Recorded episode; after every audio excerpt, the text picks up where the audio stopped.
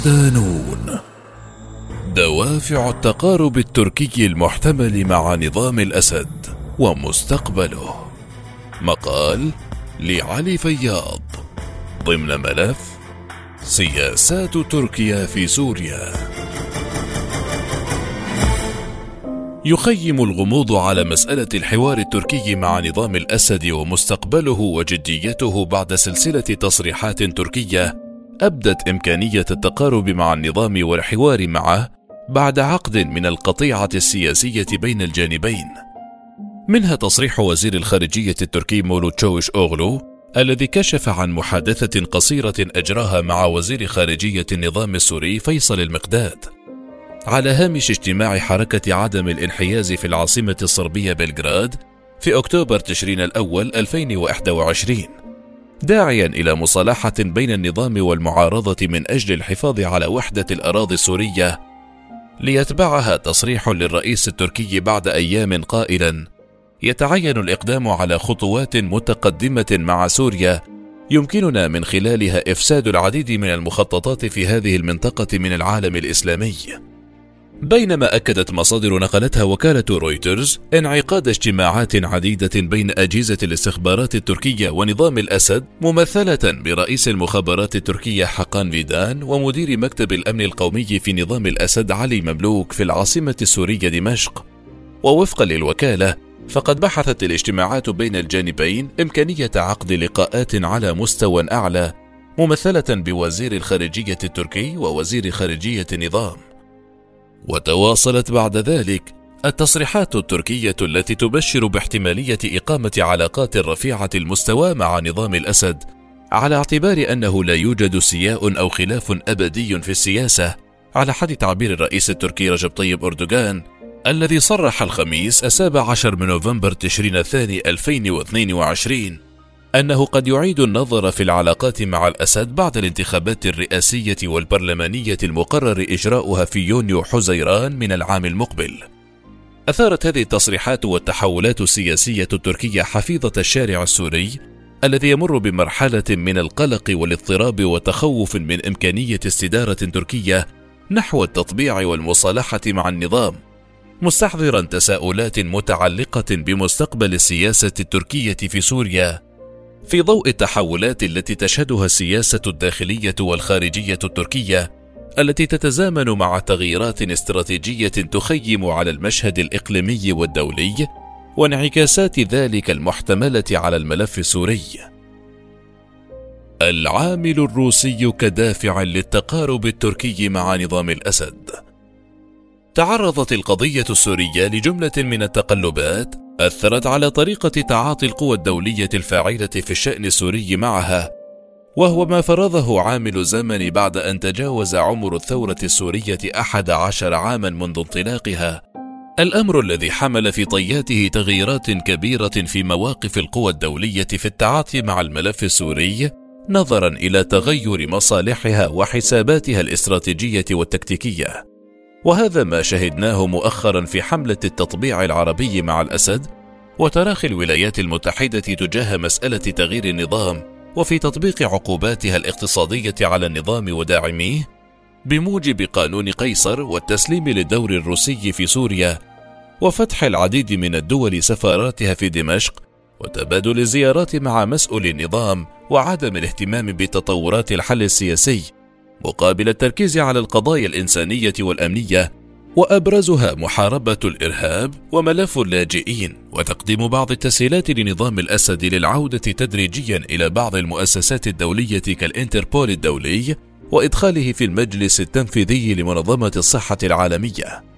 والواضح أن رياح هذه التغييرات انتقلت إلى السياسة التركية تجاه الملف السوري. ويمكن القول إن هذه التغييرات لم تكن وليدة اللحظة بل بدأت منذ التدخل العسكري الروسي في سوريا عام 2015 الذي حسم عمليا معادلة الصراع لصالح النظام. وما أعقب ذلك من محاولة تركيا إعادة النظر في سياستها بسوريا عبر تمتين علاقاتها مع روسيا في ظل زيادة التوتر في علاقتها بالولايات المتحدة والغرب نتيجة دعم الجانبين للمشروع الانفصالي الكردي. وتجاهل الولايات المتحدة المخاوف الأمنية التركية في سوريا. تسارع هذا التغيير بعد المحاولة الانقلابية الفاشلة في تركيا عام 2016 حين تضامنت روسيا مع الحكومة التركية مقابل موقف أمريكي غربي باهت واتهام تركيا للولايات المتحدة بالتورط في دعم الانقلابيين وإيواء زعيمهم فتح الله جولين وبدأ أكثر وضوحا منذ وصول بايدن إلى السلطة عام 2021 الذي تبنى خطابا حادا تجاه الحكومة التركية. إثر ذلك تغيرت الأولويات التركية في سوريا وتحولت تدريجيا من فكرة إسقاط نظام الأسد إلى صالح تجفيف التهديدات التي أفرزها الصراع على الأمن القومي التركي المتمثلة في منع نشوء كيان كردي انفصالي ما مهد لسلسلة من التفاهمات مع روسيا بعد الاقتراب التركي من المقاربة والرؤية الروسية في المشهد السوري الذي أسفر عن تنفيذ تركيا ثلاث عمليات عسكرية شمال سوريا هي درع الفرات عام 2016 وغصن الزيتون عام 2018 ونبع السلام عام 2019 أنهت من خلالها إمكانية إنشاء كيان انفصالي على حدودها. يعزز ذلك ما جاء من تصريحات على لسان الرئيس التركي التي أشار فيها إلى أن الحكومة التركية لا يهمها هزيمة الأسد أو عدم هزيمته مؤكدا أن أجهزة استخبارات تركية وسورية تتواصل بخصوص التنظيمات الإرهابية في إشارة إلى التنظيمات الكردية الانفصالية وهو ما تحدث عنه وزير الخارجية التركي الذي أعلن استعداد بلاده تقديم كل أنواع الدعم السياسي للنظام لمواجهة قوات سوريا الديمقراطية قسد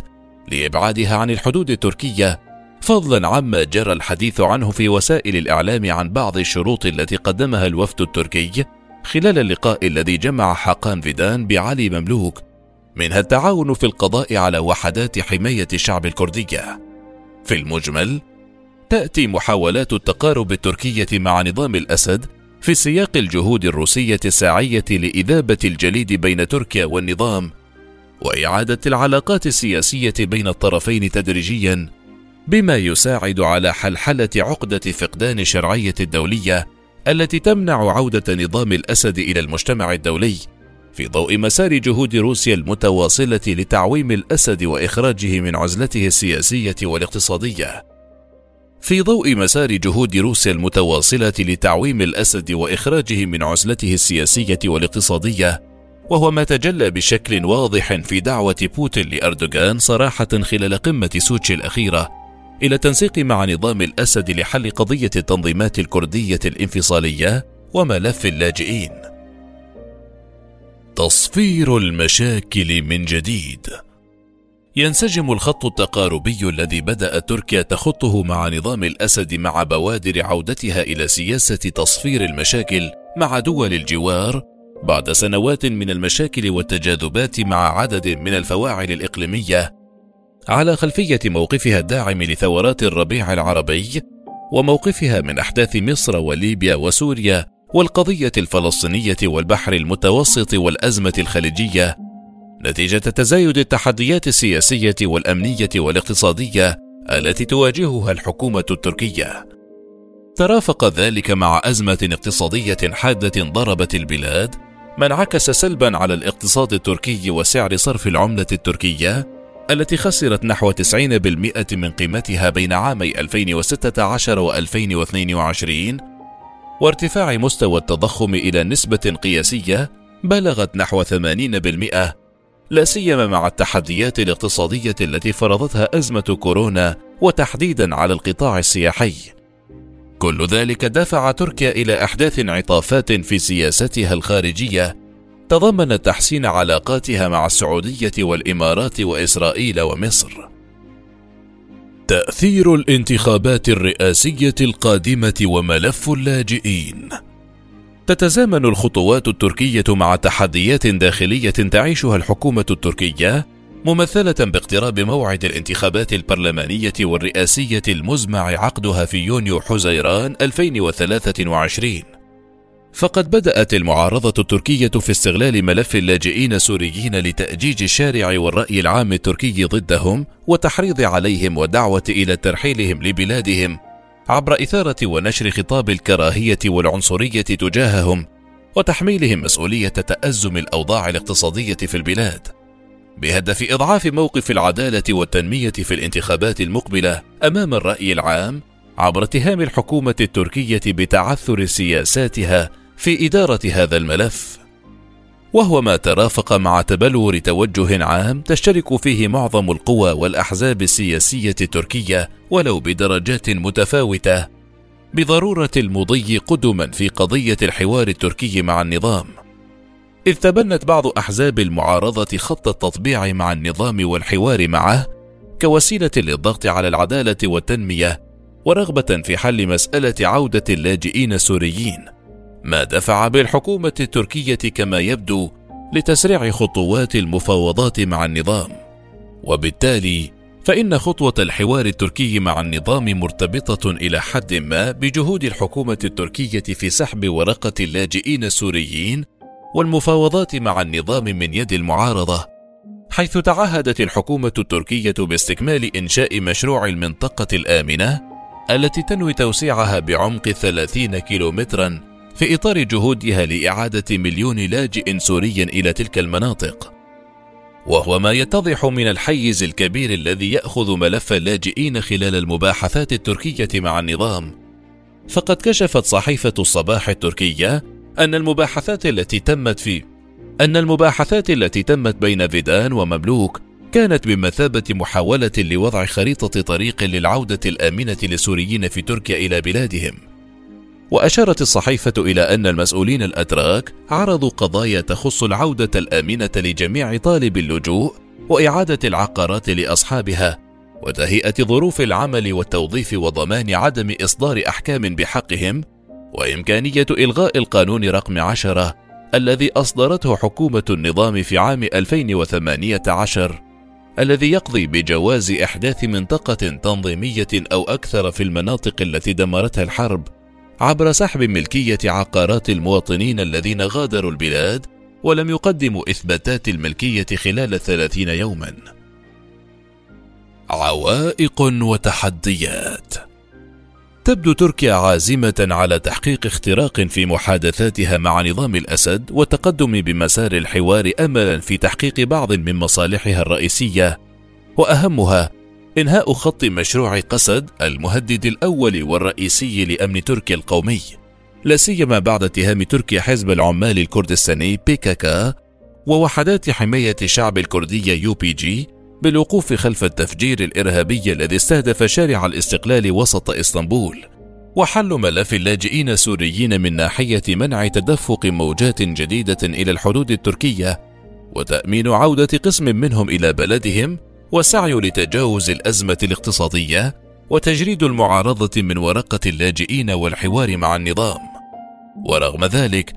تقف جملة من الصعوبات والعوائق التي تقلل من إمكانية تحقيق اختراق سياسي ودبلوماسي في العلاقة بين تركيا ونظام الأسد وتحقيق تطبيع كامل للعلاقة بين الجانبين. إذ يستمر النظام بالتعنت ويرفض تقديم تنازلات جوهرية لتركيا في الملفات التي تليها أهمية قصوى، ويفرض شروطا تعجيزية يصعب على تركيا قبولها، أهمها الانسحاب الكامل من سوريا أو إبداء استعداد للانسحاب أو تحقيق انسحاب جزئي قبل الحوار، ووضع جدول زمني للانسحاب، وإيقاف دعم المعارضة السورية واستعادة السيطرة على معبر باب الهوى وطريق آم أربعة في إدلب. إضافة إلى مطالبته بدعم تركي اقتصادي وسياسي وهو خيار مستبعد بالنسبة لتركيا التي أسست لوجود طويل الأمد في سوريا خلال سنوات وجودها. يحفظ أمنها القومي ويحد من مخاطر تدفق اللاجئين وتأمين عودتهم. ووضعت شروطا تراها مهمة للاستمرار في مسار الحوار مع النظام وهي تطهير كامل الأراضي السورية من عناصر حزب العمال الكردستاني وفرعه السوري YPG والانخراط في مفاوضات جدية مع المعارضة وضمان العودة الآمنة للاجئين. بناء عليه، لا يبدو أن النظام في وارد تقديم تنازلات لتركيا فيما يتعلق بموضوع إنهاء قسد وملف اللاجئين فهو لا يرغب ولا يملك القدرة على حل هذين الملفين اللذين يعتبرهما مشكلة تركية بشكل أساسي وورقة قوة يستفيد منها. فمن جهة يشترك النظام مع قسد في العداء للمعارضة السورية ويحفل تاريخهما بدعم وتعاون مشترك سياسي وميداني في ضرب قوى الثورة والمعارضة خاصة في أرياف حلب واستهداف الجيش التركي وضرب مشروع المنطقة الآمنة التي تعمل تركيا على تحقيقها. كما أنه لا يملك القدرة على حسم ملف قسد وإنهاء وجودها حال رغب في ذلك لا سيما أنها تتمتع بحماية أمريكية روسيه إذ يبقى الموقف الأمريكي المتمسك بالتحالف مع قسد حجر عثرة أمام أي محاولات لإنهائها وتحديدا في المناطق الواقعة تحت النفوذ الأمريكي. ومن جهة أخرى قد لا يرغب نظام الأسد في إعطاء حزب العدالة والتنمية ورقة انتخابية مهمة عبر التعاون معه في موضوع إعادة اللاجئين وهو ما قد يساعده في كسب الانتخابات الرئاسية المقبلة على حساب أحزاب المعارضة التي يراها النظام أكثر جدية في التعامل والتعاون معه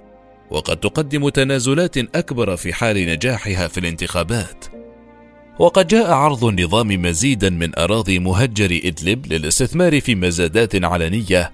مشترطا عودتهم وتسوية أوضاعهم في فروع النظام الأمنية لاستعادة أراضيهم ليؤكد عدم رغبته الفعلية في التجاوب مع تركيا في ملف توليه أهمية قصوى لاستمرار مسار الحوار والتقارب معه. في الختام تظهر المؤشرات صعوبة التوصل إلى تطبيع سياسي كامل أو جزئي بين الجانبين نظرا لثقل الملفات السياسية العالقة بينهما، لكن من المرجح أن نشهد زيادة التنسيق الأمني وحلحلة بعض القضايا وتمرير بعض مصالح واحتياجات الجانبين في المرحلة المقبلة دون الذهاب بعيدا لإبرام تفاهم ومصالحة شاملة تركية مع النظام وانتظار نتائج الانتخابات الرئاسية التركية الحاسمة التي سيكون لها انعكاس وتأثير مباشر على التموضع التركي في سوريا. وهو ما يفهم من تصريح الرئيس التركي مؤخرا بأن بلاده قد تعيد تقييم علاقاتها مع النظام بعد الانتخابات الرئاسية والبرلمانية المقبلة.